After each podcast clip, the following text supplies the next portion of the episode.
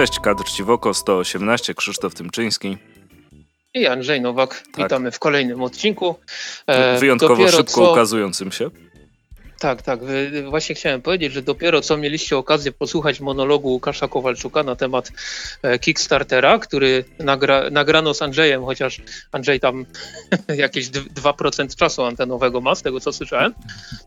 Ale, Ale- zastanawiałem ale- się, czy tego nie puścić jako dzisiejszy odcinek i sobie dzisiaj odpuścić, ale poszło w piątek. Znaczy, tak, poszło w piątek, natomiast dzisiejszy odcinek no, postaramy się zrobić troszeczkę szyb, szybciej, bo mi się kurczę śpieszy w pewne miejsca, więc y, bez, y, bez przedłużania lecimy z newsikami i zaczniemy od zapowiedzi październikowych wydawnictwa Egmont, e, które przede wszystkim z tego co mi się wydaje, aczkolwiek nie jestem na 100% pewien, nic się nie zmieniły w stosunku do tego co widzieliśmy w katalogu. Mhm.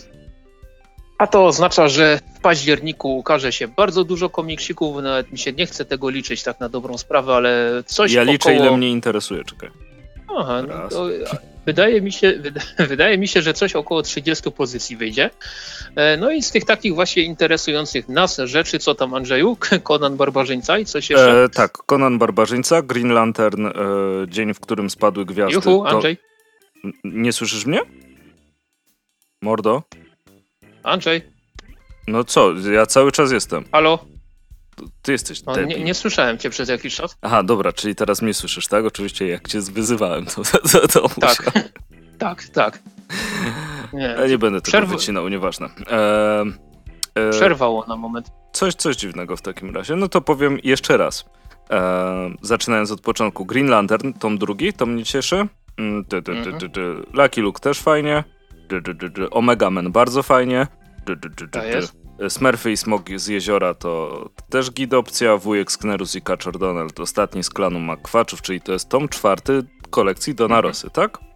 Tak jest. Um, ciekawi mnie trochę ten Czarny Młody i Liga Sprawiedliwości. e, Ten Mhm. em, crossover, który będzie. Tak. Podtytuł ma fajny Młot Sprawiedliwości. E, wspaniały, wspaniały. Hammers of Justice. E, I jak to było? Bo to jest z Batman Brave and Bold, prawda? Mhm. Hammers of Justice are unisex. E, Invincible tom 9 to ciebie na pewno bardzo cieszy. Tak, zdecydowanie. E, I co tu jeszcze jest ciekawego? Dla mnie na pewno drugi, drugi tom Śpiocha. Mhm. No i wydaje mi się, że dość dużą popularnością będą się cieszyły dwa komiksy, jeden z DC, drugi z Marvela. Ten z DC to oczywiście Zegar Zagłady, mhm. czyli Doomsday Clock. I pokolenia z Marvela, czy... Tak, po, tak, pokolenia z Marvela. Wydaje mi się, że to też e, spotka się z dużym zainteresowaniem. Tych No, I też fajnie, jest- że wychodzi nowa Maja i Minizaury. A tak, oczywiście, to, to, To już jest tom na, najlepsze na koniec. To już jest tom trzeci, tak, tak. Natomiast jak tak sobie szybko policzyłem, to w październiku wychodzi 26 komiksów od wydawnictwa Egmont. E, Do tej, do tej 26 zalicza się także Star Wars Darth Vader, Twierdza Vader, tom 10, czyli Star Wars komiks, który powinien wylądować w kioskach, chociaż ostatnio nie wiem, jak tam jest z tą ich dystrybucją, bo na przykład e, praso, prasowy dział Egmontu wydał ostatnio pierwszy zeszycik Lego Explorer, takiej gazetki. To co ja się najeździłem i naszukałem, to moje. Ale znalazł. Jest. Tak, ostatecznie się, się znalazło w Empiku. A, do, a przed Empikiem. I Empik był otwarty. To też. Tak, tak, Empik, był otwarty, tylko zanim, zanim do tego Empiku zajechałem, to zwiedziłem dobre 5-6 kiosków, saloników prasowych i punktów prasowych. O, dobra. No to współczuję. Więc, więc jeśli chodzi o zapowiedzi segmentu, na stronie e, Klubu Świata Komiksów ich jeszcze nie ma, więc rzucimy link do opisu. E, natomiast przechodzimy do kolejnych e, zapowiedzi. Tutaj przede wszystkim, co mi się rzuciło w oczy, bardzo fajna, bardzo fajna zapowiedź od KRL-a, czyli Karola Kalinowskiego, który ogłosił, że skończył pracę nad komiksem zatytułowanym Chopin Palce z kwarcu, przy czym Chopin zapisane jako S-H-O-P myślnik N. No i udostępniono kilka stron e, przykładowych, znaczy to są zdjęcia stron z komiksu i no, je, je, jako, że e, Karol Kalinowski, no wiadomo, wow ma e, i, i, co my tam jeszcze mamy, KRL-ki, które fajnie KR byłoby, gdyby były w wydaniu zbiorczym, albo New Kids O. on the Block w wydaniu zbiorczym. Albo Tak, przywrócenie do druku Ligi Obrońców Planety Ziemia, bo to jest przewspaniały komiks, ale oczywiście jeszcze Kościsko. O, E, właśnie, I Borka i Kościsko, Sambor. Tak, Borka i. No więc generalnie e, też Karol Kalinowski ogłosił, że dość dużo w tym roku się od niego jeszcze ukaże, bo właśnie chyba kolej, kolejny zeszycik e, Borki i Sambora i jeszcze coś tam się planuje, szykuje, więc będziemy wypatrywać tych, tychże informacji. E, I, I co? I trzymamy kciuki, bo jednak co tu dużo mówić, jak Karol coś wydaje, to z reguły nie ma, nie ma lipy. Nie Mhm. ma lipy zdecydowanie. Natomiast jeśli chodzi o inne wydawnictwa, no to tak tutaj też trochę polecimy e, No to dawaj na szybko. z rzeczami, które nam umknęły ostatnio, albo i niekoniecznie, bo na przykład pojawił się czwarty tom e, Chłopaków z XX wieku od wydawnictwa Hanami. Mhm. Już jest dostępny, natomiast lada moment, o ile nic się e, nie przesunie, nie rozwali, a z Japończykami to różnie bywa, e, to 10 września tego roku pojawi się siódma saga winlandzka, Mhm. więc jaranko. Wydawnictwo Kurs na sierpień zapowiedziało piąty tom najem, Najemnika oraz e, dziewiąty tom serii Storm. E, Storm, kurczę, no to jest, to jest taki tytuł, który mógłbym sobie w końcu nadrobić, bo tyle, tyle słyszałem o nim do, dobrych rzeczy. Pamiętam, że kiedyś Egmont to chyba wydawał, jeszcze wcześniej to chyba w e, Fantastyce się pokazywało, czy, czy coś w ten deseń, Mhm. mogę coś mylić, a ja koniec końców nigdy nie miałem z tym komiksem do czynienia. Więc może w końcu się za to wezmę.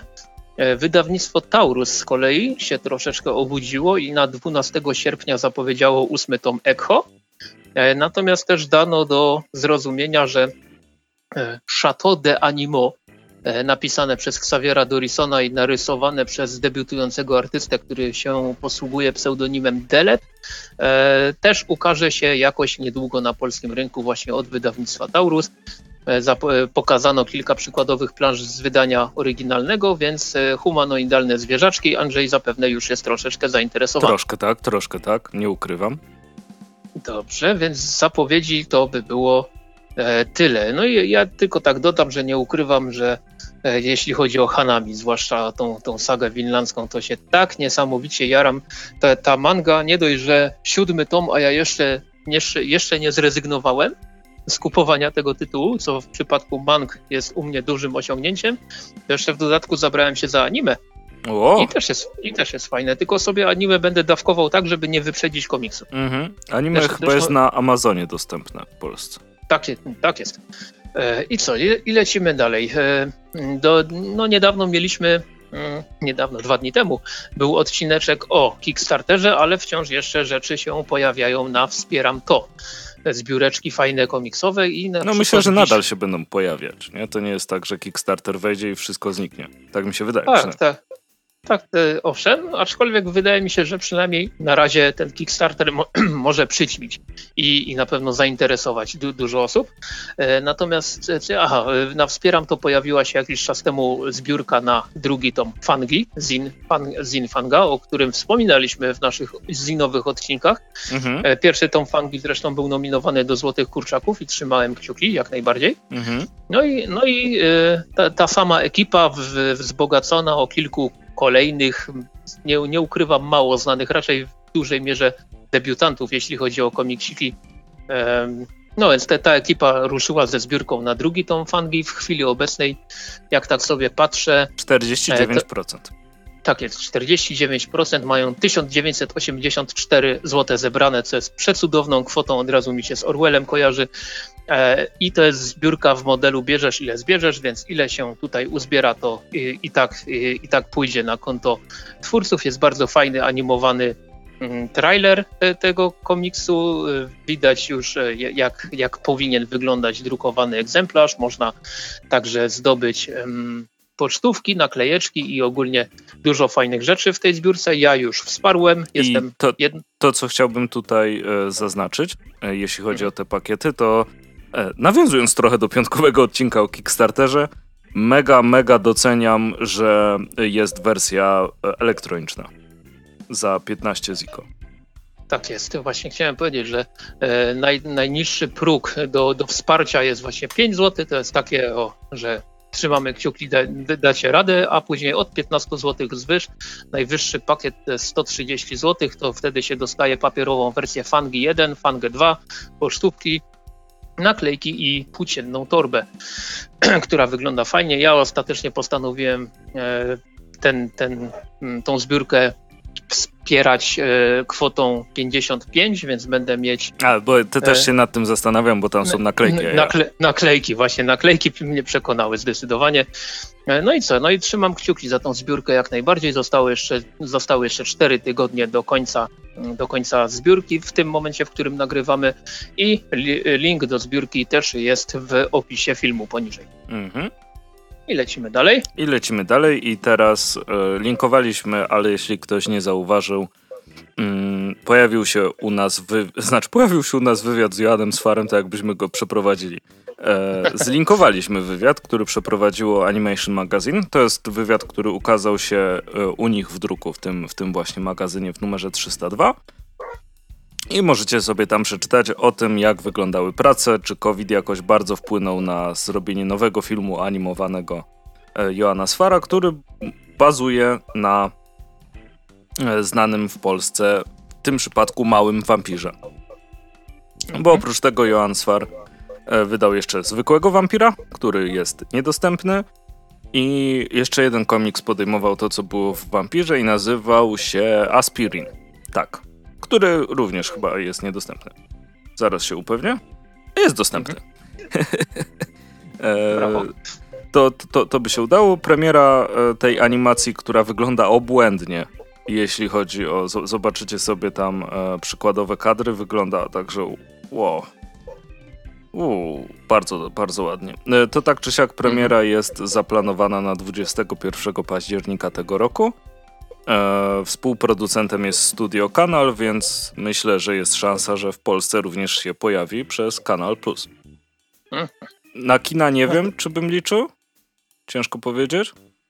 No, obecnie to ciężko liczyć na kina z czymkolwiek.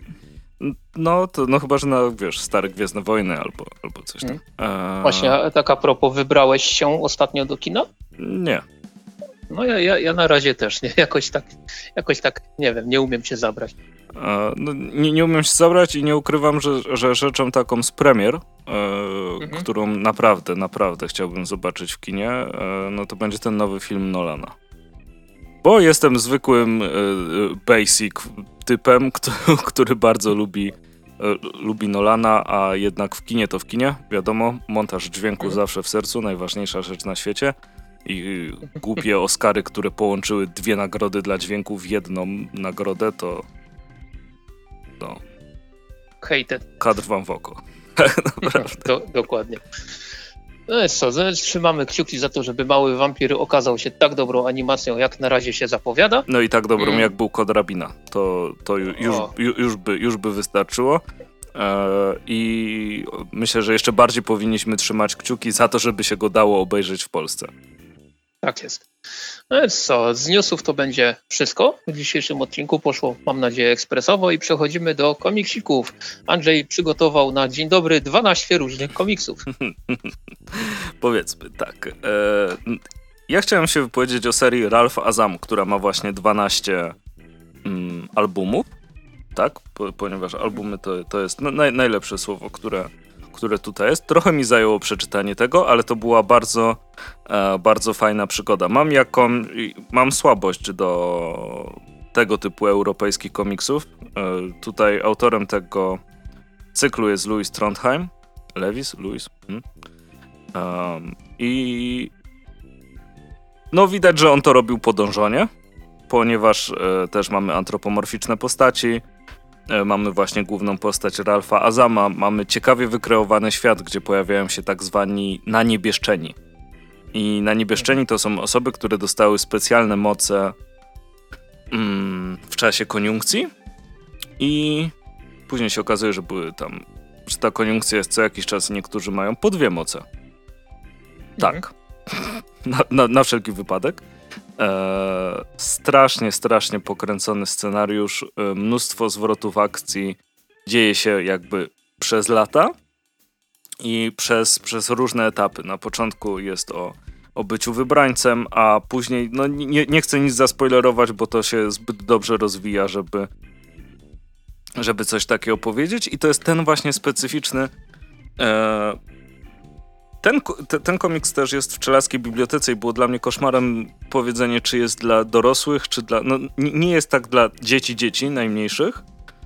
Um, jest tam dużo przemocy, tylko że to jest przemoc raczej taka na zasadzie, że komuś się utnie głowę w pół głowy tak naprawdę. E, nie, to prawie, nie, prawie nic takiego. No, prawie nic takiego. Tylko wiesz, to kaczki, tygrysy i tak dalej. E, więc też chyba inaczej się to odbiera. Jest dużo jakiegoś dźgania, nie dźgania. Mm, ale wszystko w taki mega, mega ciekawy sposób e, poprowadzone. E, I co, coś jest chyba w e, frankofonach, które mają białe okładki. Muszę przeanalizować ten temat, bo Asterix też ma, wiesz, tam białe okładki i też się go dobrze czyta. Ciekawe, czy kwestią sukcesu w serii jest zrobienie białej okładki. Last Man też ma białe okładki. A no widzisz. Wy, wyczuwamy czy, czy, właśnie. Czy właśnie wymyśliliśmy, jak, jak, się wydaje dobre komiksy frankofońskie? E, chyba tak naprawdę żadnego innego białego sobie nie przypomnę. Mm, tak, tak czy siak. E, świetna seria fantazy, te 12 tomów, które ukazywały się przez lata i tak naprawdę ostatni tom ukazał się na jesień zeszłego roku. E, więc nie tak dawno, można by powiedzieć, nie? A... Tak, e, podrzucę tylko pierwszy tom, 8 grudzień 2013 w Polsce. No, no to 6 lat wychodziło, nie? No, na to, na to wychodzi, tak. Czyli w sumie dwa tomy rocznie? No, to, to również na to by wskazywała matematyka. ja się wolę upewnić z matematyką czasem. Hmm. Mm, kwestia bycia głupim. E, no, tak czy siak, mm, ja się tutaj bawiłem e, świetnie przy tej serii. Mm, mnóstwo fajnych rzeczy się dzieje, bardzo ciekawie wykreowane postaci i takie, że jeśli masz na przykład postarzone dziecko, które się zachowuje jak dziecko, ale trochę próbuje się zachowywać jak ktoś dorosły, później teoretycznie dorasta, ale nadal jest e, super starcem, więc jakby fizycznie nie widzisz przemiany, ale widzisz w tym, jak się postać zachowuje. E, oczywiście no Ralfa sam jako ta centralna postać, on się ekstremalnie zmienia przez, przez całą serię. I bardzo mi się mhm. podoba ten taki sposób prowadzenia historii fantazy, e, który w Dragon Ballu był już trochę zaśmieszny, e, czyli zawsze będzie ktoś silniejszy, bo w sumie to, to jest jakby coś, co napędza to fantazy, nie? Mhm. E, I tutaj też zawsze jest ktoś silniejszy, ale w trochę bardziej naturalny sposób.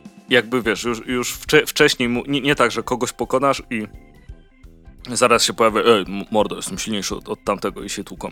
E, tak było przez 249 odcinków. Natomiast... No i tak, i, i, a w Dragon Ball Super to jeszcze podkręcili.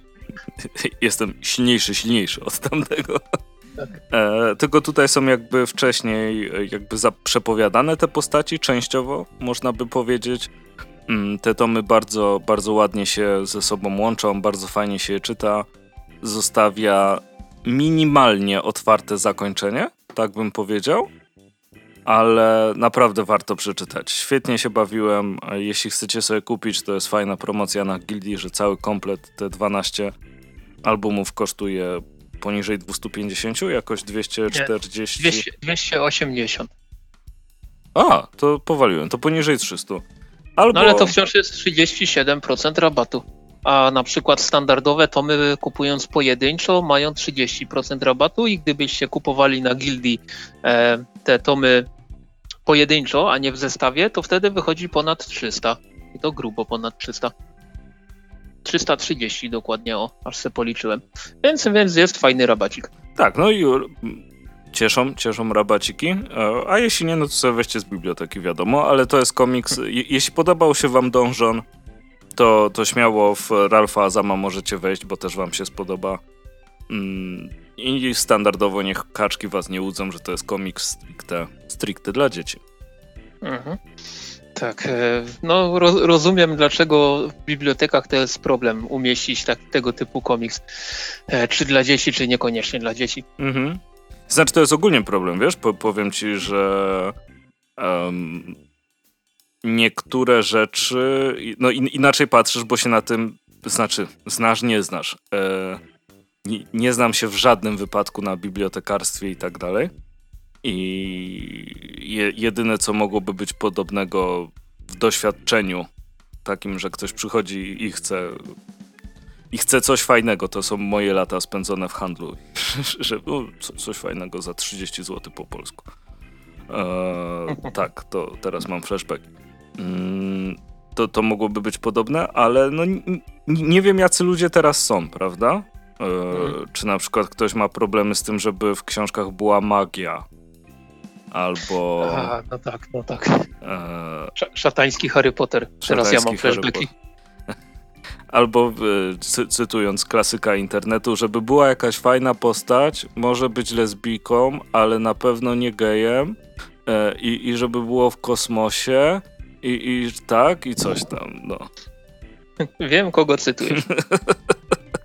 Jestem na, na, tyle obeznany. No, to nie, to, to jest dramat. Tak, yy, tak ogólnie współczuję wszystkim bibliotekarzom, to musi być strasznie ciężka praca. No a wiesz, a ludzie myślą, że oni tylko siedzą i wydają książki. Znaczy, wydają, wydają e, w sensie spół, spółeczki, do, tak, spółeczki tak, tak. do rąk. No, no, no. Jest tak, Ralfa Azama polecamy, 12 tomów, wyszło, e, tak jak zostało wspomniane, 280 zł na Gildi. Natomiast ja przechodzę do komiksiku, który e, o, też e, podczas czytania go miałem flashbacki, tylko że nawet nie z dzieciństwa, bo jakby nie patrzeć, Power Rangers lubię cały czas i sobie sobie od jakiegoś czasu staram się też e, oglądać te późniejsze serie, nie wszystkie po kolei, ale, ale te, które przynajmniej były jako tako dobrze oceniane. Mhm. Więc na przykład sobie pamiętam w ostatnich miesiącach sobie nadrobiłem na przykład RPM, sobie nadrobiłem e, Samurai i Super Samurai, bo to były dwie serie pod dwoma tytułami. E, no więc generalnie te Time Force, tro, trochę tego się nadrobiło w, ostatnim, w ostatnich czasach.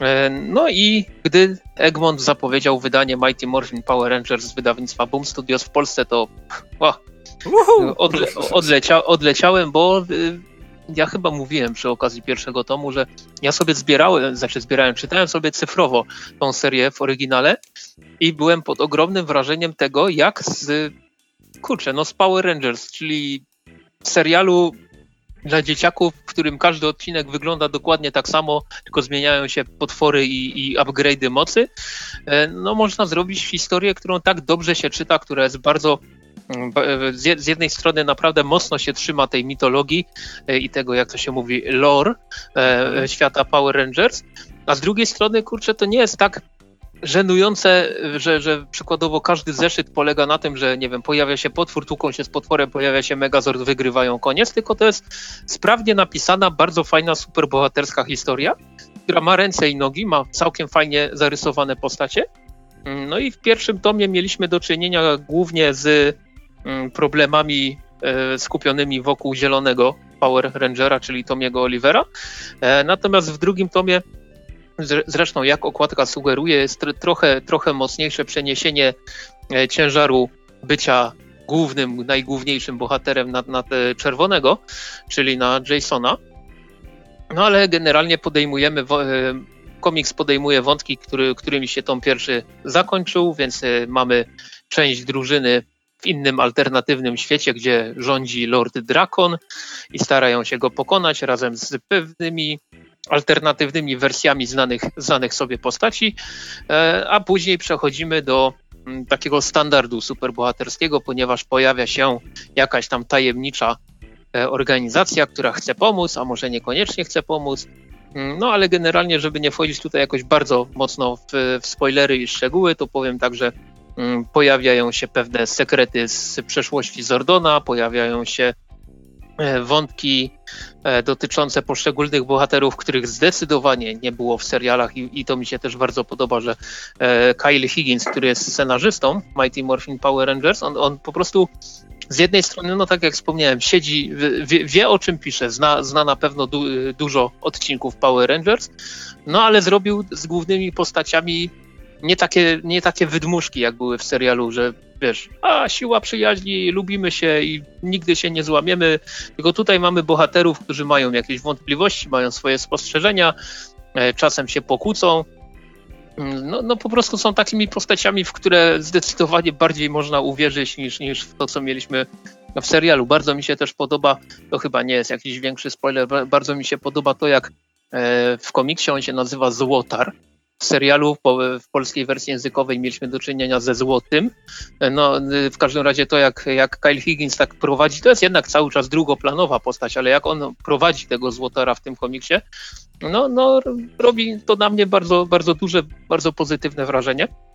Oczywiście to wciąż nie jest komiks, który się wychyla jakoś szczególnie mocno e, poza porządne superhero, mówiąc tak w cudzysłowie, ale kurczę, porządne superhero też jednak trzeba umieć zrobić, a zwłaszcza e, w tytule licencjonowanym, mm, bo ma, mieliśmy masę, naprawdę ogromną masę przypadków, zresztą także i w Power Rangers, e, gdzie mm, jakiś wydawca dostaje licencję i nie ma zielonego pojęcia, co w zasadzie z nią zrobić.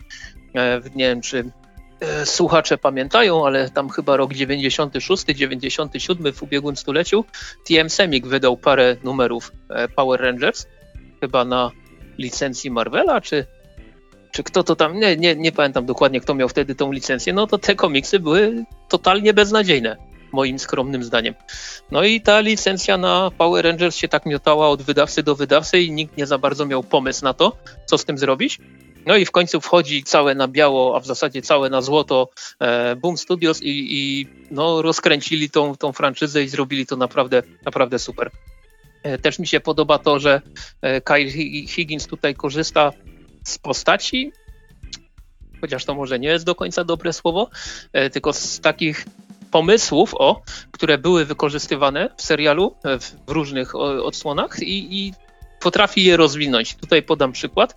E, jest w Power Rangers in Space, w kosmosie, nie wiem czy, czy w Polsce tłumaczono jak, jakoś ten tytuł, pojawia, pojawiła się ekipa psychorangerów i oni tam oczywiście zebrali w pierdziel, ale też się pojawili w kolejnej serii, która się nazywała Lost Galaxy.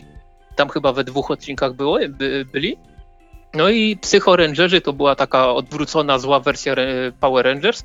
Oni byli w kolorach e, czerwony, niebieski, czarny, różowa i żółta. Natomiast komiks e, Mighty Morphin Power Rangers rok drugi wprowadza na przykład zielonego psychorangera, którego nie było w serialach, mm, ale bardzo, bardzo to pasuje do, do, generalnie do historii tej grupy. E, I jest tu parę takich momentów, które zrobiły na mnie duże pozytywne wrażenie właśnie z tego powodu, że y, nie, nie że ło, odkryli, odkryła, e, ktoś odkrył komiks superbohaterskie na nowo i nic już nigdy nie będzie takie same, tylko po prostu to, jak, jak w prosty, fajny sposób można wyciągnąć jakiś pomysł z Power Rangers i go rozwinąć w naprawdę fajną historię. I tom drugi e, Mighty Morphin Power Rangers od wydawnictwa Egmont e, przedstawia tutaj, muszę się upewnić, tak 12 12 rozdziałów e, serii, która chyba niedawno do, doszła do końca w, w, Stanach, ale już zapowiedziano restart, reboot, dwie nowe serie. Mm. I mamy tutaj te 12 rozdziałów i one tworzą ten tak zwany rok drugi. Natomiast to, co mnie troszeczkę zmartwiło, to jest to, że na końcu nie mamy zapowiedzi tomu trzeciego. Jest tylko polecanka te, tego, tego pierwszego niedawno wydanego. Nie ma zapowiedzi tomu trzeciego, a tom trzeci, e, znaczy ten taki w cudzysłowie tom trzeci, to był e, Shattered Grid, ten, ten crossover, który się tam pojawił w pewnym momencie. Mhm. No i kurczę, jakby się udało go wydać jednak w Polsce, to byłoby super, bo to tak można powiedzieć domyka tą historię pokazaną w roku pierwszym i w roku drugim, więc trzymam kciuki, że, żeby jednak Egmont sięgnął, chociaż, chociażby po Shattered Grid właśnie. Natomiast e, jeśli chodzi już o samą jakość wydania, powiedzmy, to mamy tutaj do czynienia i tutaj się posiłkuje gildią 420 stron w twardej oprawie. Cena okładkowa jest wyższa niż w przypadku pierwszego tomu, bo też e, większa jest ilość stron. Cena okładkowa wynosi 119 zł 99 groszy. Natomiast ta większa ilość stron wynika z tego, że oprócz e, standardowej, powiedzmy, galerii okładek wariantowych, którą dostajemy tutaj na samym końcu. Jest też e, wstęp i posłowie.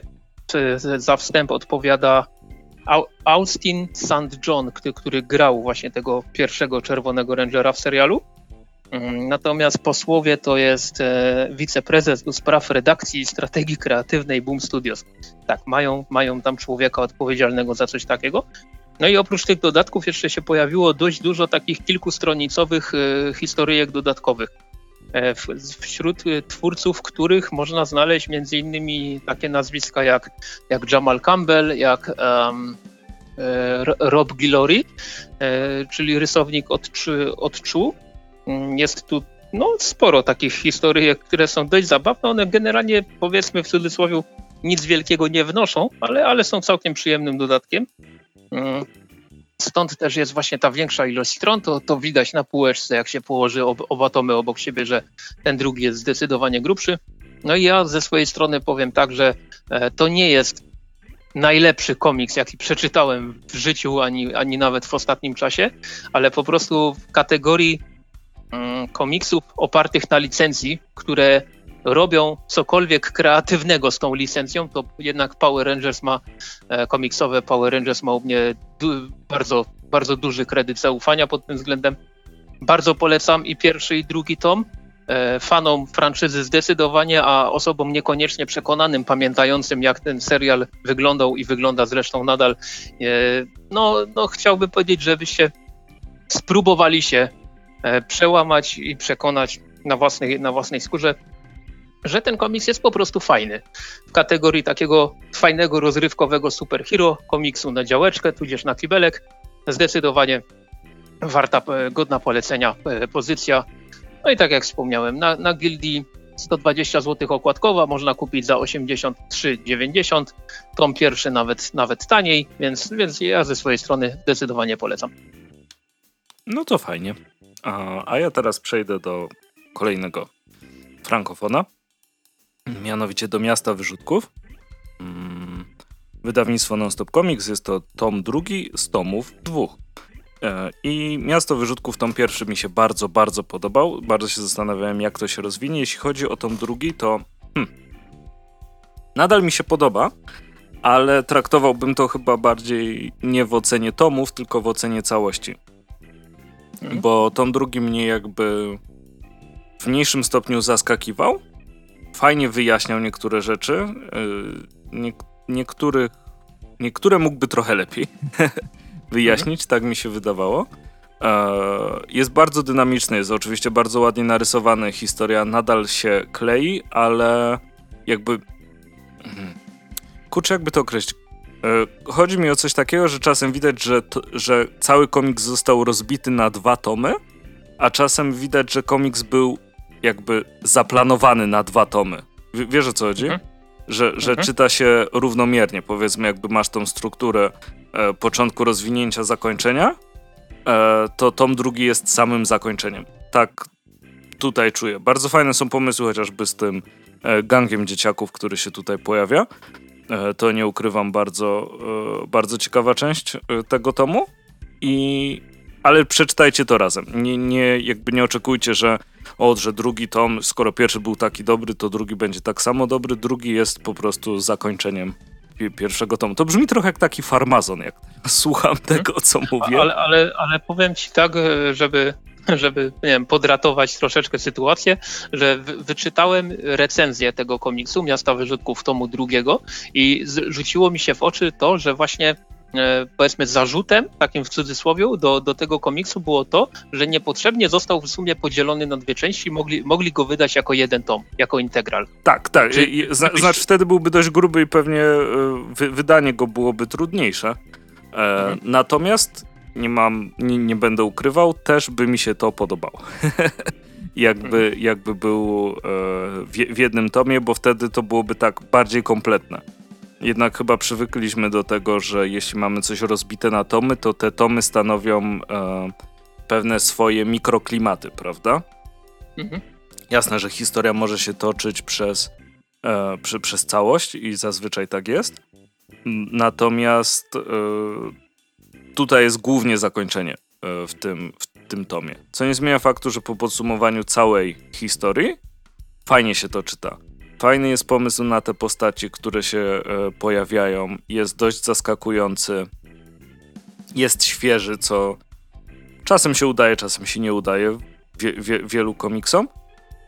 Bardzo dobrze się bawiłem, e, kolorystycznie, rysunkowo.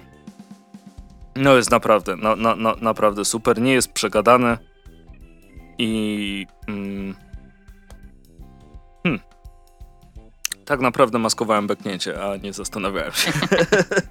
e, okay.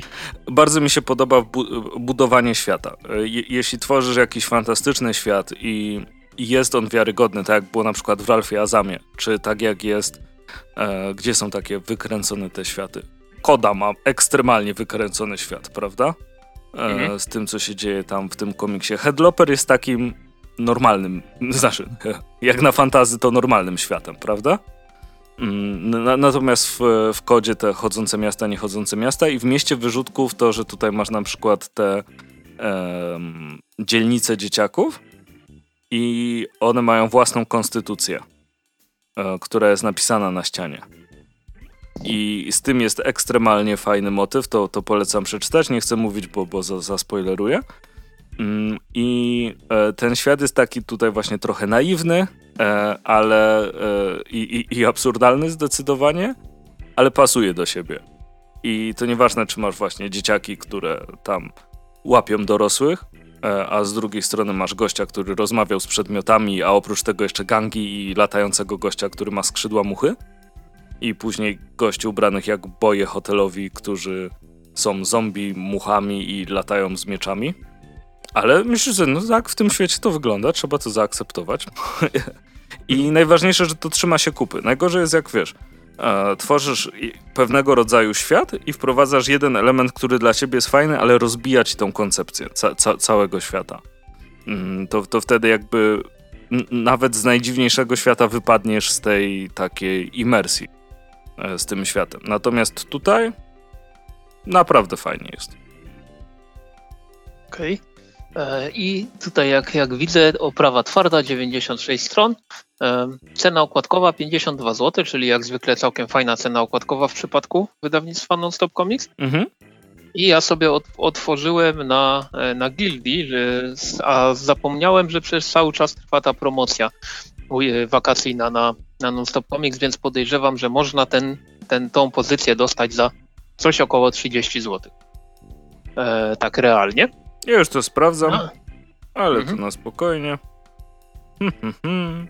Bardzo fajna jest ta promocja. No a jeśli oczywiście możecie też kupić stacjonarnie, to, to zawsze wspierajcie lokalne sklepy e, komiksowe. Tak, nie, nie, tak nie, nie, nie wiem, czy wspominaliśmy, na pewno ta promocja e, od wydawnictwa Nonstop Comics jest w księgarniach partnerskich wydawnictwa Sonia Draga. Mhm, to jest e, trochę mniejsza. Tych, tak, tylko tych, y, tak, jest troszeczkę mniejsza, bo nie 45%, tylko 40% rabatu, ale to wciąż jest mniej, nie, nie, znaczy więcej, większy rabat niż na przykład mamy na Gildii. Mhm. A, te, a te księgarnie patronackie Sony Dragi są w Katowicach, Chorzowie, Gliwicach i jedna w Warszawie. Więc można powiedzieć, że nasze biedne, nasze biedne województwo śląskie jest tutaj w tym momencie lepiej potraktowane. Mhm. 28,60 na stronie kosztuje miasto wyrzutku. No więc super, a na Gildii 36 zł, więc 8, 8 zeta taniej możecie kupić mhm. bezpośrednio od wydawcy. Natomiast ja przechodzę do komiksu od wydawnictwa Mucha Comics. Jest to pierwszy tom Stamptone. Komik, y, komiks y, inaczej. Y, tytuł ten możecie kojarzyć z serialu, który jakiś czas temu pojawił się bodajże na, na ABC czy jakiejś tam innej stacji e, w Stanach. Oczywiście musiało mi to teraz umknąć. No i Stampton jest e, komiksem, na którym tenże serial oczywiście był oparty, aczkolwiek był, jest oparty, bo będzie drugi sezon, aczkolwiek jest oparty, tak można powiedzieć, dość luźno, bo oprócz głównej bohaterki i naprawdę części wątków, które się tutaj prze, przewijają, to jednak serial poszedł w trochę e, inną stronę. Mamy tam do czynienia z takim proceduralem, e, który jak na tego typu produkcje został jednak moim zdaniem zrealizowany całkiem fajnie, bo takich procedurali w stylu odcinek sprawa, rozwiązanie, odcinek sprawa, rozwiązanie niekoniecznie jestem jakimś wielkim fanem, natomiast to stamtąd tak przykuło moją uwagę, no, ale jednak zdecydowanie powiem, że komiks jest dla mnie dużo, dużo fajniejszą e, rzeczą od serialu. I tutaj też główną bohaterką jest e, Dex, która, no można powiedzieć, że jest prywatną detektyw, całkiem utalentowaną. Niestety jej, jej problem jest taki, że jest uzależniona od hazardu, e, dość, dość dużo tych, tych pieniędzy przegrała i z, w komiksie poznajemy ją w momencie, gdy jest winna kilkanaście tysięcy dolarów pewnej właścicielce kasyna, mm, która oferuje Dex e, likwidację długów pod warunkiem, że rozwiąże sprawę jej zaginionej wnuczki. No i cały, cały tom pierwszy polega właśnie na tym, na, na tym że obserwujemy Dex próbującą rozwiązać e, to, to, tą, tą mhm. historię i tutaj Greg Ruka, scenarzysta tego komiksu, no zrobił to, co moim skromnym zdaniem należało od niego wymagać totalnie, ponieważ znowu osadził główną, bo, osadził w roli głównego bohatera kobietę i jak zwykle prowadzi ją bardzo dobrze, ponieważ mamy tutaj taką wyrazistą, ciekawą postać z krwi i kości, która e, z jednej strony jest można powiedzieć twardzielką, ale z drugiej strony widać, że popełnia dużo błędów, niekoniecznie wszystkie rzeczy, które sobie zaplanowała wychodzą tak jak powinny. Mm, no i to też sprawia, że Stampton komiksowe jest taką, taką historią z jednej strony bardzo mocno e, kryminalną i, i można powiedzieć, palpową, a z drugiej strony mamy też właśnie takie elementy, gdzie można się e, zaśmiać, gdzie są takie zwroty akcji wynikające właśnie z tego, że, że ta główna bohaterka jest taka dość nietypowa e, i, i bardzo fajnie mi się to czytało. To jest, znaczy ja, ja już ten komiks znałem w momencie, gdy wydawnictwo Oni Press je publikowało jak, lata, lata temu, mm, i, I, już wtedy mi się bardzo podobało to, to, to jak Greg Ruka prowadzi. E, tą serię, bo tutaj będziemy mieli chyba łącznie ze, ze trzy tomy albo cztery. W sumie teraz do końca nie wiem. W każdym razie pierwszy tom e, ma 160 stron według tego, co wyczytałem w internecie. Natomiast ciekawostka jest taka, że on się składa z czterech zeszytów. Po prostu stamtąd było wydawane Mm, w, takich, e, w takim formacie zeszytowym, owszem, ale każdy z tych zeszytów miał dużo więcej stron niż 24. Więc to nie jest tak, że połowa tego komiksu to są dodatki, tylko po prostu historia jest rozbita na cztery rozdziały, które są dłuższe, dłuższe niż standardowy zeszyt i bardzo fajnie zrobiono to, mm, że, znaczy bardzo fajnie pomyślano, żeby zrobić to właśnie w taki sposób, ponieważ te zeszyty te potrafią jakby to powiedzieć, e, one potrafią prowadzić tą historię tak, że tam nie ma żadnych mielizn e, scenariuszowych, fabularnych, tak jak często jest w komiksach. Ja to też chyba dość często powtarzam, jak mamy wydania zbiorcze Marvel, DC, nie, nieważne, niekoniecznie to muszą być te dwa największe wydawnictwa, gdzie jest przykładowo pięć zeszytów albo sześć, to bardzo często jest tak, że te środkowe rozdziały, trzeci, czwarty, to jest po prostu takie, takie nic, że, że, że w zasadzie tylko prze, przewracamy kartki i nic z tego zeszytu później nie pamiętamy. Natomiast stamtąd jest rozpisane tak, że każdy z tych czterech rozdziałów jest bardzo fajny, bardzo dynamiczny. E, bardzo mi się podoba też to, co teraz muszę, muszę się e, ratować okładką Matthew Southward, rysownik tego komiksu zrobił, e, ale też, też muszę powiedzieć, że kolorysta Rico Renzi tutaj odwalił kawał dobrej roboty, ponieważ stamtąd jest utrzymane w takim w takim klimacie, powiedzmy, o dość oszczędnej palecie barw. I tutaj nie ma takich momentów, że, że mm, wszystkie kolory tęczy, jakie tylko można sobie wy, wymyślić, się tutaj pojawiają. Zresztą to też widać po okładce, gdzie mamy czerń, niebieski i żółty i nic więcej. I w środku może nie jest aż tak, e, aż tak, że ograniczamy się do trzech kolorów, no ale jednak ta ograniczona paleta barw jest, jest łatwo zauważalna, a kolorysta, e, jak już wspomniałem, Rico Renzi jednak dał radę wybrnąć z tej sytuacji tak, że graficznie jest ok, ale te kolory sprawiają takie tak dobre wrażenie, że podbijają tą końcową ocenę moją, jeśli chodzi o warstwę graficzną, ale jednak zdecydowanie Stampton jest taką rzeczą, która dużo mocniej przyciągnęła mnie ku siebie, ku, ku sobie mm, fajną e, opowieścią. Zresztą po, po tym scenarzyście nie spodziewałem się absolutnie niczego innego. Jeśli chodzi o komiksy Grega Ruki, to moim tym osobistym faworytem cały czas jest oczywiście Lazarus. No ale Stampton to jest taka rzecz, która jakby to powiedzieć, gdy Mucha Comics zapowiedziała ten komiks, y, to, tą pozycję w Polsce, to byłem mega szczęśliwy z tego powodu. A na przykład jak też, też Mucha Comics zapowiedziało The Old Guard, e, które lada moment też mam nadzieję, że się pojawi w Polsce, no to już było takie e, spoko, ale be, be, bez, bez szału. Natomiast w przypadku Stampton było naprawdę duże zadowolenie i bardzo się cieszę, że ten komiks jest już dostępny, można go sobie spokojnie kupować. E, oczywiście, jak to w przypadku wydawnictwa Mucha Comics, mamy twardą oprawę, Mhm. Aczkolwiek wa warto podkreślić, że tym razem nie zastosowano tego powiększonego lekko formatu, mamy ten standardowy, e, a w środku, e, wbrew temu, co jest napisane na przykład na sklepie Gildii, w środku nie mamy papieru kredowego, tylko taki, to się chyba offset nazywa, no taki, żeby mm, bardziej to przypomina, żeby bardziej pasowało, żeby papier bardziej pasował do klimatu jaki znajdziemy na kartach tego komiksu. I to też mi się, mi się bardzo podoba. E, cena okładkowa, już mówię, 69 zł. E, na sklepie Gildii można znaleźć poniżej 5 dych. E, również w podobnej cenie jest ten komiks na sklepie wydawnictwa Mucha Comics. No i co? I dla mnie to jest jedna z ciekawszych i bardziej wyczekiwanych premier tego roku, jeśli chodzi o komiksy amerykańskie. Z tego co widziałem w rozpisce wydawnictwa Mucha Comics, jeszcze w tym półroczu powinien się ukazać tom drugi. I ja się bardzo z tego powodu cieszę. Natomiast jeżeli chodzi jeszcze o ten serial, to e, no to powiem tak, że zdecydowanie polecam bardziej e, komiks od serialu.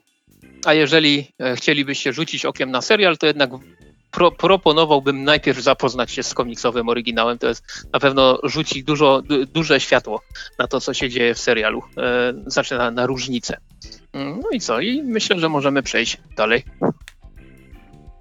Przechodzimy do wydawnictwa Kabum i do um, długo opóźnionej recenzji, przepraszam Kuba, e, Bloodshot Odrodzenie Wyspa Bloodshotów. Jest to tom czwarty Bloodshota wydawanego e, w Polsce i jak na walianta jest ekstremalnie gruby. Czy wiesz, Krzychu, mhm. dlaczego? E, wiem, bo mam otwartą, mam otwartą gildię i widzę, że tu jest aż 6 zeszytów. Dobra, no już tak. jest Bloodshot Reborn od 14 do 18 i mhm. również Bloodshot Annual z 2016 roku. Tak. No i dodatkowo jest tradycyjnie galeria. A z Anuala są cztery historie. Jest rzeźnik z Silver Lake, jest tajna konwergencyjna wojna nieskończonych trysków, doceniam.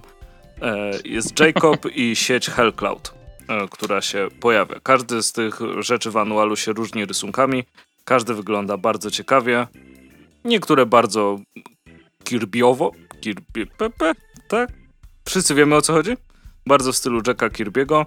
E, jednak ten rzeźnik Silver Lake nie ukrywam, że chętnie bym całą serię zobaczył rysowaną przez e, Keino. Mm, bo strasznie, strasznie mi się podobają te rysunki i te kolory, które tam są. Nie wiem, czy Keino też był ilustra- e, też był kolorystą. Tego nie wiem, dowiem się, bo tu mhm. nie jest wypisane. Tak czy siak, Bloodshot Odrodzenie, tutaj mamy jak Bloodshot został e, Green Arrowem, w sensie jest na wyspie i ta wyspa będzie go prześladować i będzie o tym mówił przez wiele lat. A tak mówiąc na serio, mm, z tego Stał co... się tam czymś innym? Bardziej bladem, bardziej shotem. Mhm. E, tak naprawdę, gdy pojawia się na tej wyspie, nie wie co się dzieje, oho, e, i trafia na innych Bloodshotów. A zawsze jest fajnie zobaczyć Przepro... takie warianty, bo to takie trochę jak Ellsworthy, prawda? Mamy rosyjskiego Bloodshota, mamy mm, amerykańskiego z czasów Wietnamu Blansz... Bla... Blanshota. Bloodshota mamy psa Bloodshota. W sensie nie pies no. należący do Bloodshota, tylko pies, który jest Bloodshotem. No, no tak, tak. Taki, e, a propos jeszcze tej e, wyspy, o której wspomniałeś, no to e, przy, przypadek, nie sądzę. Scenarzystą jest Jeff Lemire który mm, praktycznie dopiero, dopiero co napisał tego Green Arrowa, który też w Polsce się ukazał swego niedawno. Więc tutaj można powiedzieć, że sobie tak sa, sam z, zrekultywował własny pomysł. Przynajmniej tak mi się wydaje. No i bardzo dobrze. A natomiast cała seria, e, cała seria, cały ten e, komiks jest bardzo fajną historią o Bladszecie, bardzo fajnym e, akcyjniakiem i szczerze mówiąc bardziej mi się podobało od poprzedniego tomu. Więc to, to bardzo cieszy. E, możecie go przeczytać samego, ten czwarty tom, ale wiadomo, jak macie zapas tego, co było, co było wstecz, to w paru momentach to trochę bardziej pomoże.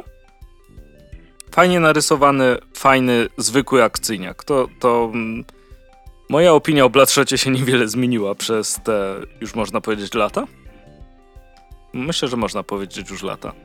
E, mhm. Przez te lata, bo to są porządnie napisane przeciętne komiksy.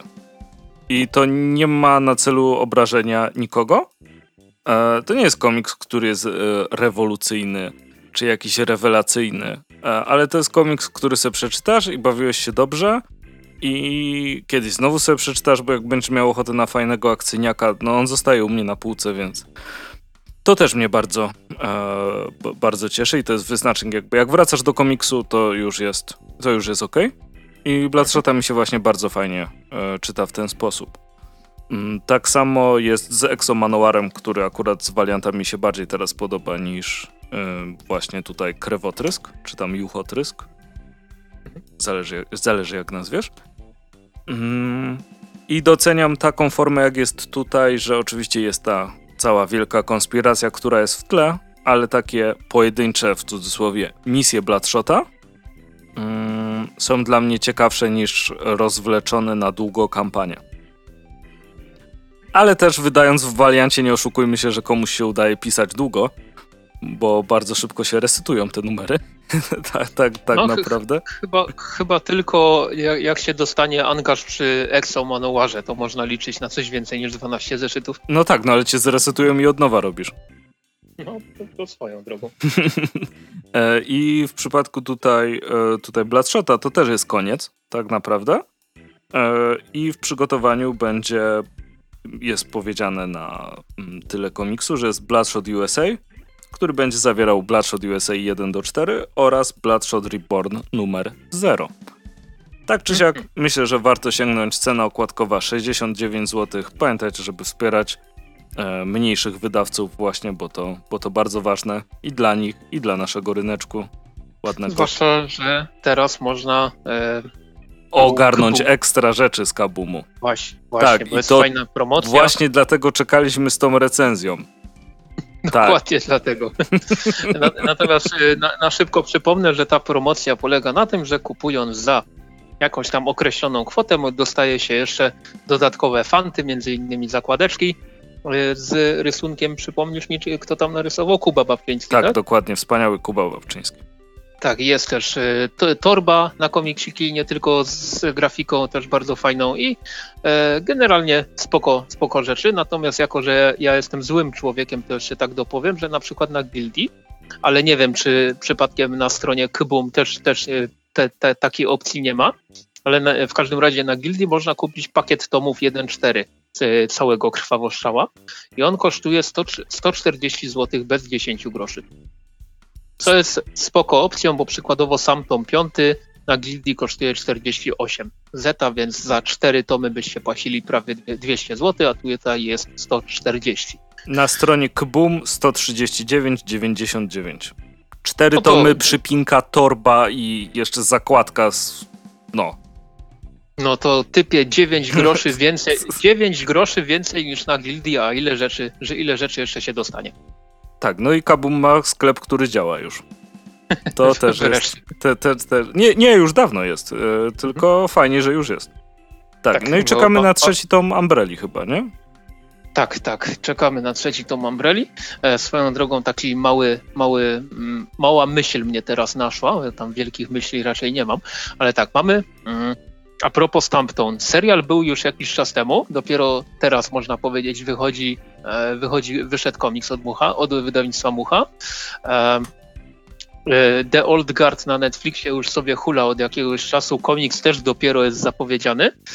No i właśnie Umbrella Academy, sezon drugi na Netflixie też już sobie hula. Powiedzmy, że mieliśmy o nim dzisiaj nawet powiedzieć, ale jesteśmy lamusy i nie daliśmy rady ogarnąć tego serialu. No, a, a komiks dopiero się ukaże jakoś chyba po wakacjach, z tego co kojarzę. Więc ja, taka moja malutka prośba do wydawców wszelakich, oczywiście o ile to jest w ogóle możliwe, żeby jednak próbować bardziej synchronizować te, te premiery. To by było naprawdę, myślę, że z pożytkiem dla, dla wydawców. Ale to tylko taka, taka myśl na uboczu. No to tak czy siak polecam tego Bloodshota, fajnie się bawiłem. Okej, okay. natomiast ja, ja przechodzę do komiksu mm, Kurczę, ja dzisiaj totalnie w Ameryce jestem okopany, ale, ale teraz przechodzimy do rzeczy. Która się różni od Power Rangers. Oj, zdecydowanie. I tutaj mamy komiks e, Nika Drnaso, który mm, dostał, dostał nominację do bardzo prestiżowej nagrody Bookera. Jest to pierwszy komiks w historii, który, który doczekał się takiego wyróżnienia. I mówię tu o komiksie Sabrina. Komiks Sabrina, który na Gildii jest niedostępny. Więc hmm, hmm, czyżby się bardzo ładnie sprzedał? E, to, to mam nadzieję, że po prostu okazało się, że nakład jest za mały i wyprzedzano to do cna, to co oznacza, że popularność tego komiksu już jest, już jest wysoka ja się absolutnie wcale nie dziwię, że tak się stało, ponieważ ta nominacja do e, nagrody Bookera mnie w ogóle nie dziwi, gdy przeczytałem ten komiks. Mm, oczywiście pewnie znajdą się jakieś osoby, którym warstwa graficzna zdecydowanie nie będzie pasowała, ponieważ jest, można powiedzieć, taka e, dość mocno e, jakby to powiedzieć, skromna, hermetyczna, tak, tak bym powiedział. Chodzi o to, że dostajemy komiks, w którym bardzo, dużą, bardzo dużym elementem fabuły, a fabuła opowiada o e, reakcji osób na to, że tytułowa Sabrina za, zaginęła i nie wiadomo, co, co się z nią dzieje. I tutaj głównymi bohaterami komiksu jest siostra Sabriny, jest chłopak Sabriny, jest e, mężczyzna znajomy tego chłopaka, który postanowił e, przygarnąć go do siebie, ponieważ on jest, ten, ten chłopak jest tak totalnie załamany tym, co się dzieje, że nie jest w stanie samodzielnie funkcjonować i wszyscy się też o niego trochę obawiają. Natomiast całość polega na tym, że mm, nie jest to komiks o poszukiwaniach zaginionej, jest to komiks właśnie o tym, który opo- o ty, o, komiks opowiada o tym, jak ludzie reagują w takiej sytuacji. Tylko, że jest to bardzo współczesny komiks, ponieważ dostajemy nie tylko reakcje psychiczne i fizyczne tych, tych ludzi, którzy po prostu nie wiedzą, gdzie jest ważna dla nich osoba, czy żyje, czy nie żyje, co się z nią dzieje, tylko jeszcze dowiadujemy się, znaczy nie dowiadujemy się, bo niestety to, to jest taka smutna codzienność, ale zostaje nam prze, przedstawione to, jak e, internet, jak pomówienia, jak fake newsy, jak plotki jakieś potrafią doprowadzić do kolejnych życiowych tra tragedii tych osób. No jest to komiks niestety bardzo aktualny. Zresztą to, to, nie jest, to nie jest rzecz, która jakoś ukazała się lata, lata temu, bo to jest całkiem świeża produkcja. Mm, no ale Drnaso tutaj pokazał bardzo trafnie i bardzo smutno e, jednocześnie to, jak e, jeden głupi fake news może, może sprawić, że e, czyjeś życie się wywróci doda dodatkowo do góry nogami, w momencie, w którym już, już da, dana osoba przeżywa jakiś osobisty, personalny dramat. I, I ten komiks jest właśnie bardzo mocno szokujący pod tym kątem, e, że z jednej strony ja jako, jako osoba, która widzi mniej więcej, co się dzieje na świecie, ja zdaję sobie sprawę z tego, że pojawiają się właśnie takie fake news, jakieś pomówienia, ta, e, jak to się mówi, mowa nienawiści i tak dalej, ale z drugiej strony nigdy Drnasow w Sabrinie pokazał to wszystko tak, że jednak no kurczę, to, to jest jeden z tych komiksów, który zdecydowanie potrafi zmusić człowieka do, do przemyślenia tego, co robi ze swoim życiem momentami. E, I taka refleksja nad tą rzeczywistością, która, która nas e, otacza, jest jedną z tych zdecydowanie najmocniejszych rzeczy, która, które, które ten komiks nam przekazuje. I robi to w sposób taki, że, że naprawdę wow. Mm, e, wspominając wcześniej powiedziałem, że, że warstwa graficzna tego komiksu jest taka, taka dość oszczędna. Ja, ja staram się, znaczy wydaje mi się, że rozumiem dlaczego tak jest, ponieważ mamy tutaj pełno takich pustych prze przestrzeni. E, nie ma tutaj jakichś żywych kolorów, one się pojawiają bardzo sporadycznie i, i wydaje mi się, że to też ma dodatkowo podbić to, jak te wszystkie postacie, które występują w tym komiksie się, się, się czują, ponieważ mamy tutaj taki można powiedzieć, pusty, szary, szary płowy, o, o, świat, w którym, w którym mało jest takich pozytywnych emocji. To wszystko też się dzieje właśnie, czy to w głowie e, Sandry, czy to w głowie e, chłopaka zaginionej. I, I, to też mi się bardzo, bardzo, bardzo podobało podczas lektury. E, tylko, że to jest właśnie jeden z takich komiksów, które no, ciężko powiedzieć, czy, czy on ci się podobał, jak go przeczytałeś, bo jeżeli, jeżeli masz komiks, który kończysz lekturę i, i jesteś taki zmieszany, że, że w sumie tak kurczę głupio ci, smutno ci. To, to, to, Jeśli cokolwiek przeczytasz, obejrzysz, zobaczysz i o tym myślisz, to już jest dobre, tak mi się wydaje. Tak, tak, to właśnie tylko tak, dobre, zdecydowanie tak, to jest bar, bardzo dobry komiks, tylko ja właśnie się zastanawiam, teraz tak mi przyszło do głowy, czy to jest taka pozycja, która o której powinno się mówić, że bardzo mi się podobało to, co, to, co przeczytałem, ponieważ no, pokazywane rzeczy, które, które są na łamach, e, na kartach Sabriny, raczej nie powinny się podobać. Ale e, zdecydowanie zgadzam się z tym, co wyczytałem na internecie tuż przed premierą tego komiksu. Nie tylko oczywiście od, od wydawnictwa Kultura Gniewu, bo wiadomo, że wy, wydawca nigdy nie napisze w opisie, że no w sumie taki średni komiks, byle co, ale wydaliśmy, bo, bo jest fajny. No. Tylko, tylko, po, tylko, po, prostu bardzo wow, dużo wow. osób bardzo dużo mhm. osób mówiło, że, że czytało na przykład Sabrinę w oryginale i to jest taka rzecz, którą cholera kupcie, bo powinniście to mieć, że, że, że zdecydowanie nie będziecie żałować. No i zdecydowanie się z tym zgadzam właśnie. To jest taka rzecz, którą e, tak jak na przykład w poprzednim odcinku e, mówi, mówiłem o oczywiście teraz mi to musiało wylecieć z głowy, o Oskarze Edzie, o właśnie, Oscar Ed, że to był taki komiks, który naprawdę też dalej mi w głowie siedzi i, i, mm, i Sabrina jest, myślę, że chociaż tematycznie dość, e, dość te, te dwa komiksy się od siebie różnią, to jednak łączy je to, że po, po przeczytaniu było takie ło! I w kolejnych dniach też było ło, że kurczę, jakie to było, jakie to było ciekawe, jakie to było szokujące, skłaniające do jakiejś refleksji i jeżeli e, znaczy jestem absolutnie pewien, że Nick Dyrnaso właśnie tworząc ten komiks miał za, zamiar, jakby to powiedzieć, tak w cudzysłowie wy, wyważyć drzwi, kopnąć się w jajka i, i sprawić, że zapamiętasz go sobie na, na, na, długi czas, no to zdecydowanie Sabrina sprawiła, że no, to jest komiks, o którym myślę od dłuższego czasu, że przeczytałem go już ze dwa razy e, i przy, tej, przy drugim podejściu do tego komiksu też odnalazłem parę takich rzeczy, których wcześniej nie widziałem, więc, więc no takie, takie komiksy powinno się wydawać w zdecydowanie większej ilości w naszym kraju. E, na szczęście właśnie Kultura Gniewu czy, czy Team of Comics to są takie wydawnictwa, które takie perełki potrafią do naszego kraju sprowadzić i chwała im za to. Więc Sabrina, jak tylko będzie znowu dostępna na Gildii, to zdecydowanie powinna zostać wykupiona do cna kolejny raz. Wydawnictwu Kultura Gniewu życzę jak największej ilości dodruków tego, tej pozycji.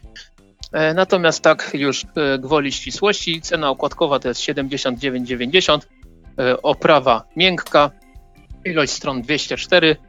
No i co? No i to jest taki kolejny komiks, który już tam gdzieś sobie zanotowałem jako, jako rzecz, którą pewnie w grudniu jeszcze coś o niej się powie. Mhm. No i co? I z komiksików na dzisiaj to tyle. Jeszcze tak e, w miarę szybko opowiemy o pewnej animacji, która nie jest co prawda jakąś ekranizacją komiksu, ale ponieważ Transformery to jest rzecz, która tak mocno się już zrosła ze światem komiksu, zwłaszcza e, w ostatnich, a chyba od zawsze można powiedzieć nawet, chyba nie było takiego momentu, żeby przez, przez nie wiem, 10 czy 15 lat e, komiksów z Transformerami nie było. E, w każdym razie Transformers War of War 4 Cybertron trylogia, odsłona pierwsza z podtytułem Siege, wylądowało na Netflixie. Sześć odcineczków po 20 parę minut. Wspaniale, ba sobie... ja bardzo lubię taki metraż. 20 tak, minut można, so... można sobie spokojnie w 3 godziny całość ogarnąć, nawet nie całe 3 godziny, e, więc y, mm, no jest to dla mnie przynajmniej pierwsza animacja z Transformerami, które, którą obejrzałem od czasu, jak to się nazywało? Tego Transformers... Co na... Transform... Nie, nie, nie, tego nawet nie obejrzałem w całości, bo mi się, mnie to nie przekonało. Te Transformers Prime sprzed paru lat. Aha. E, To, to, Mhm, to, mhm. sobie, to jest ostatnia rzecz z Transformerami animowana, którą obejrzałem od początku do końca, tylko tam mieliśmy do czynienia z czterema sezonami i tam prawie 100 odcinków było, czy coś takiego, natomiast tutaj mamy tylko 6 na, na dobry początek. Odcinków. Tak jest. I e, jak, jak tytuł wskazuje, mm, To trylogia. Transform, Transformers War for Cyber, Cybertron przenosi nas w okres, kiedy e, Transformery jeszcze nie wylądowały na Ziemi, tylko tłuką się na swojej już wtedy bardzo mocno zniszczonej pla planecie. No i standardowo tra- Optimus Prime dowodzi mm, Autobotami, przeciwko ma Megatrona i jego Decepticonów, ale jest tu parę rzeczy, które trochę zaskoczyły na początek. Nie, nie wiem, czy powiemy e, spoilerowo, czy nie spoilerowo. Mm. No, może spoilerowo od razu. No, do, No dobra, spoko, więc w, ra- w razie czego, uwaga, spoilery, w opisie to jeszcze i tak zaznaczę. Na przykład bardzo mi się podobało to, że Ratchet jest tutaj neutralny, Mhm. a, a, nie, ta, a nie taki do koń, a, nie, a nie taki wierny, wierny Autobot, że mamy...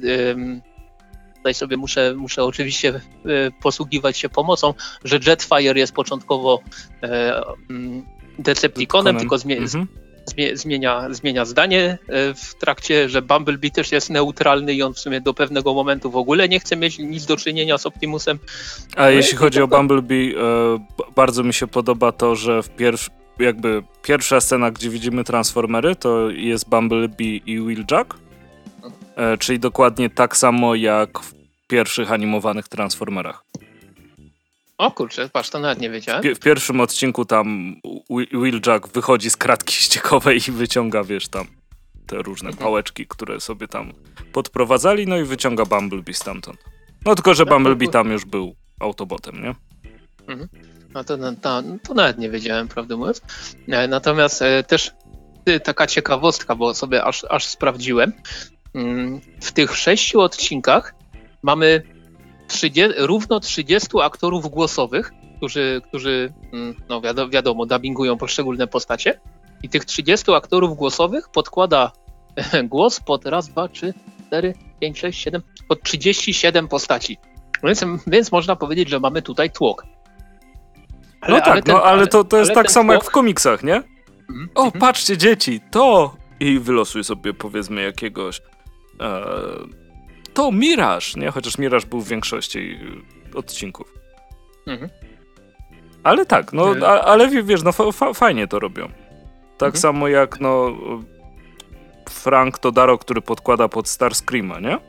Oho, Po, podkładał też pod e, Refraktora i jeszcze pod kogoś. tak, pod Ravage'a. Mam tutaj, mam tutaj e, właśnie... A, masz ściągę. Tak, mam ściągę. Na przykład Rafael Goldstein e, pod, e, podkładał w czterech odcinkach głos pod Ratcheta i w dwóch odcinkach głos e, pod Sandblastera. Ultra Magnus miał głos Edwarda Bosko, ale też Sandwave miał gł- głos Edward, Edwarda Bo- Bosko, chociaż można powiedzieć, że ciężko było to rozróżnić. Zdecydowanie.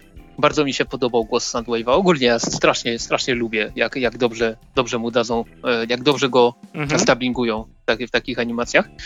E, No, po, postaci jest dużo. E, Myślę, że nie, nie można się tutaj mimo wszystko pogubić. Też kilka takich postaci, o których ja nie wiedziałem, te, tak na dobrą sprawę, albo przynajmniej w tym, w tym całym natłoku mm, Transformerów nie wiedziałem, że takie istnieją. Bo na przykład Elita One, ja, ja sobie sprawdziłem, ona się już pojawiała w animowanym G1 sprzed, sprzed wielu, wielu lat, ale byłem Mhm. dość mocno przekonany, że jest to postać stosunkowo nowa, bo o niej nic nie słyszałem. Ale to wiesz, to jest okazuje- tak zabawne, jak ktoś mówi, że jest super wielkim fanem Transformerów i oni teraz psują Transformery, bo wprowadzają kobiety Transformery. Mhm. No, ale No, chyba nie no, widział no. ani filmu, ani Chciałem, G1. po, chcia- chciałem powiedzieć, że tak sobie po, poszperałem po jakichś tam transformerowych Wikipediach i tak mi wyszło, że El- Elita One się pojawiła bodajże w 1987, Arsi chyba rok wcześniej, więc no, no, no tak, oni, oni dopiero teraz robią, nie? Kobiety Transformery. Oczywiście. Y, Bo nie, i tak jakby ktoś y, na przykład, nie wiem, nie oglądał Beast Wars, gdzie była, jak ona się nazywała, Arachnia? Arach, Arachnite? Tak. Ta, ta, ta, ta, taka, co tam pają, w pajączka się zmieniała, no to kurczę, to już w latach 90. były żeńskie transformery. Hmm. Tylko to były czasy, kiedy powiedzmy nie było internetu i i tak, Tak. bardzo to, tak bardzo to nie bolało niektórych. Ale wiesz, na przykład jeśli chodzi o to, bo to ma być trylogia, e, według tego opisu, który był tam w internecie, e, no to w trzeciej części to trochę będzie Beast Wars, nie? Tak, tak, po, podobno ma być. E, e, Ro, rozdział drugi się będzie nazywał Earthrise, a rozdział trzeci Kingdom. I właśnie widziałem, że Netflix jakieś, jakieś tam zajawki puszczał, to te Kingdom tam było tak zasugerowane, że, że mogą się pojawić. E, kurczę, oni, oni tam nie byli, nie? Autobotami, Decepticonami, one były Maximale i Predacony. O, właśnie, dziękuję bardzo. Maximale i Predacony, więc, więc trzymam kciuki za to, żeby się na przykład e, Optimus Naczelny pojawił. Bo, Optimus Primal to była tak dobra nazwa, to... tak, jest zdecydowanie. No i polska, nie- polska, Tak, polska tak, wersja tak. Optimus Naczelny też super te, te, też było. Ja bym się nie zdziwił, jakby, wiesz, ktoś powiedział Optimus Primal i w ten sposób powstało dopiero Beast Wars.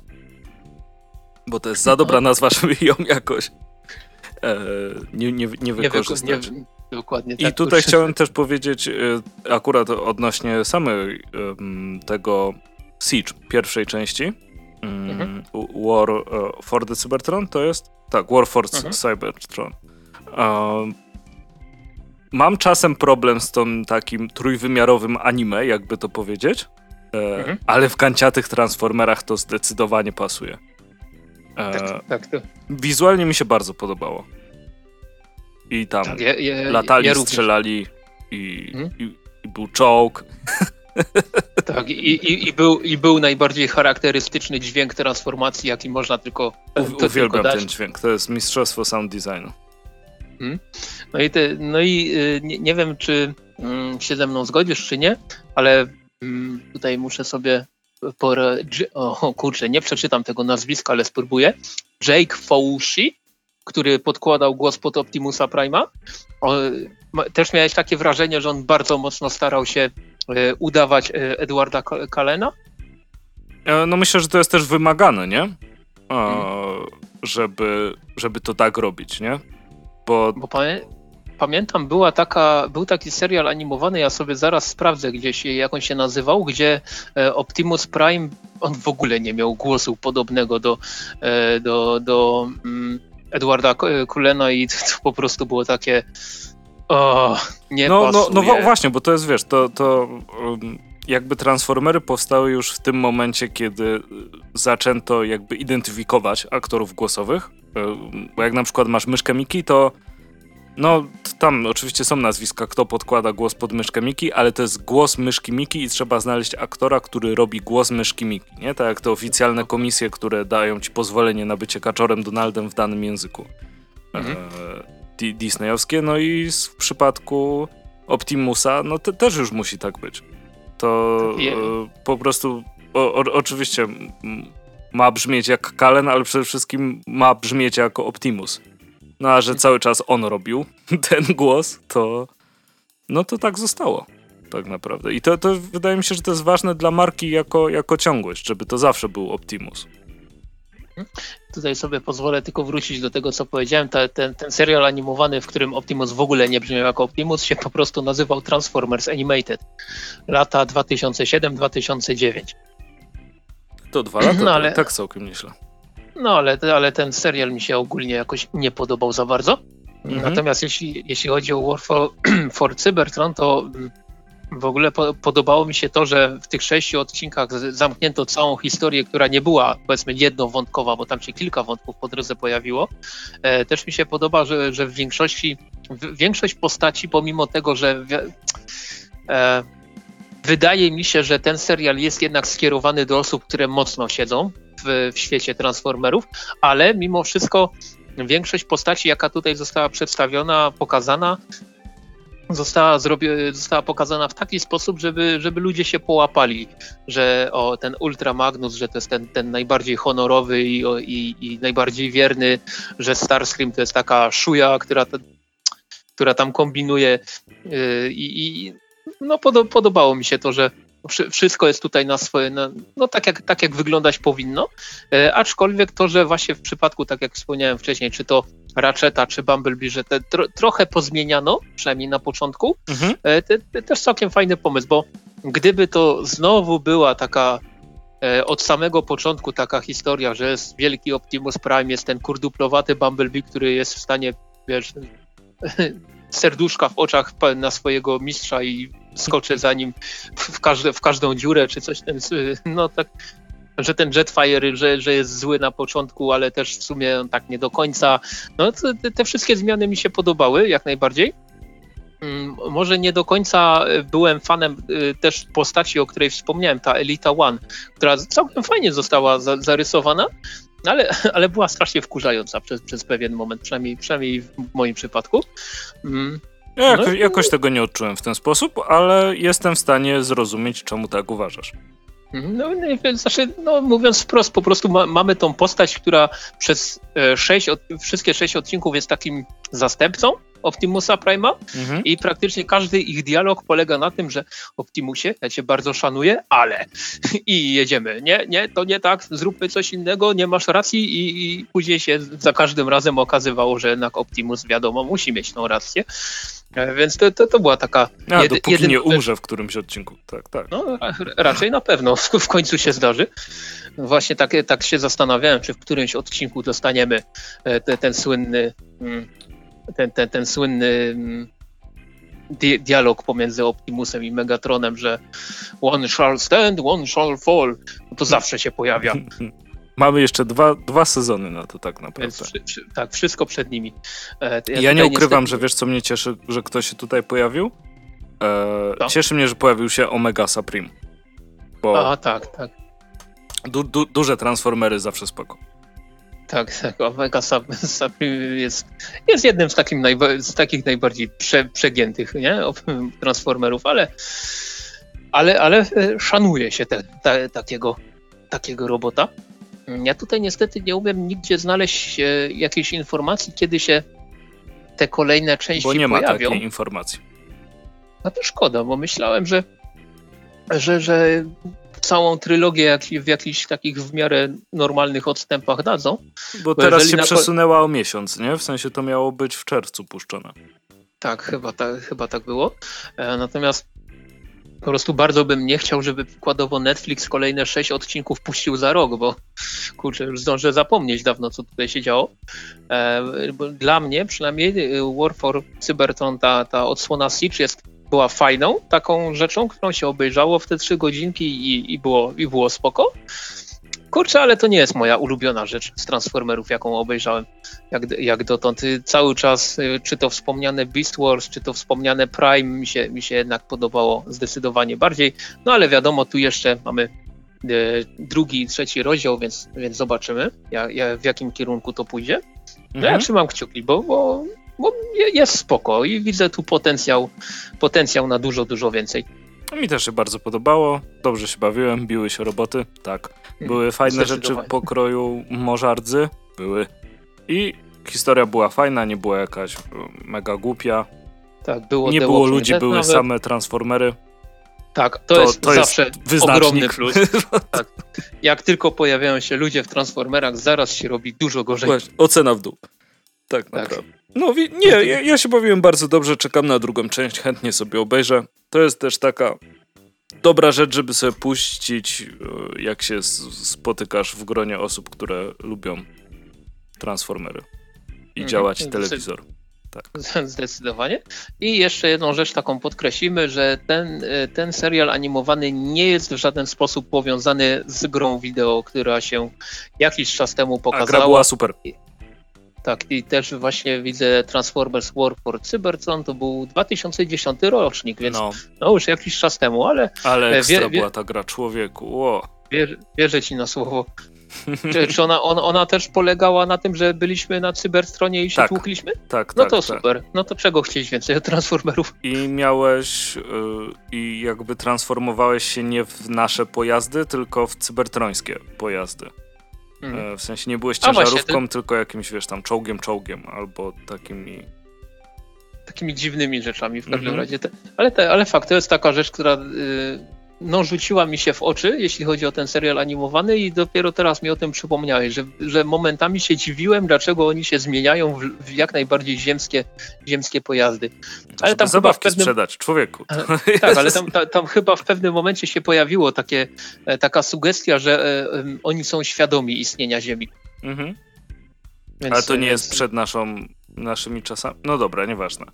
E, to nie ma żadnego znaczenia roboty zmieniające się w pojazdy i jest fajnie.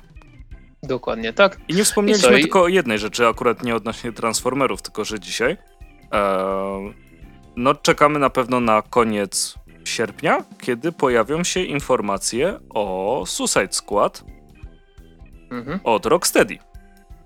Tak, tak. Ogólnie mogę powiedzieć, że jeśli chodzi o całe DC fandom, to można powiedzieć, że podkręcają, podkręcają e, jaranko tym wydarzeniem, bo przecież i być może się doczekamy jakiegoś trailera Suicide Squad, w sensie tego kinowego mhm. od Jamesa Gana, może coś tam jeszcze się pojawić i, i generalnie jaranko. No Natomiast jeśli, chodzi, jeśli chodzi o Transformers War for Cybertron, no to na Netflixie 6 odcineczków, tak jak wspomniałem wcześniej, niecałe 3 godziny, więc do ogarnięcia spokojnie w jeden wieczór.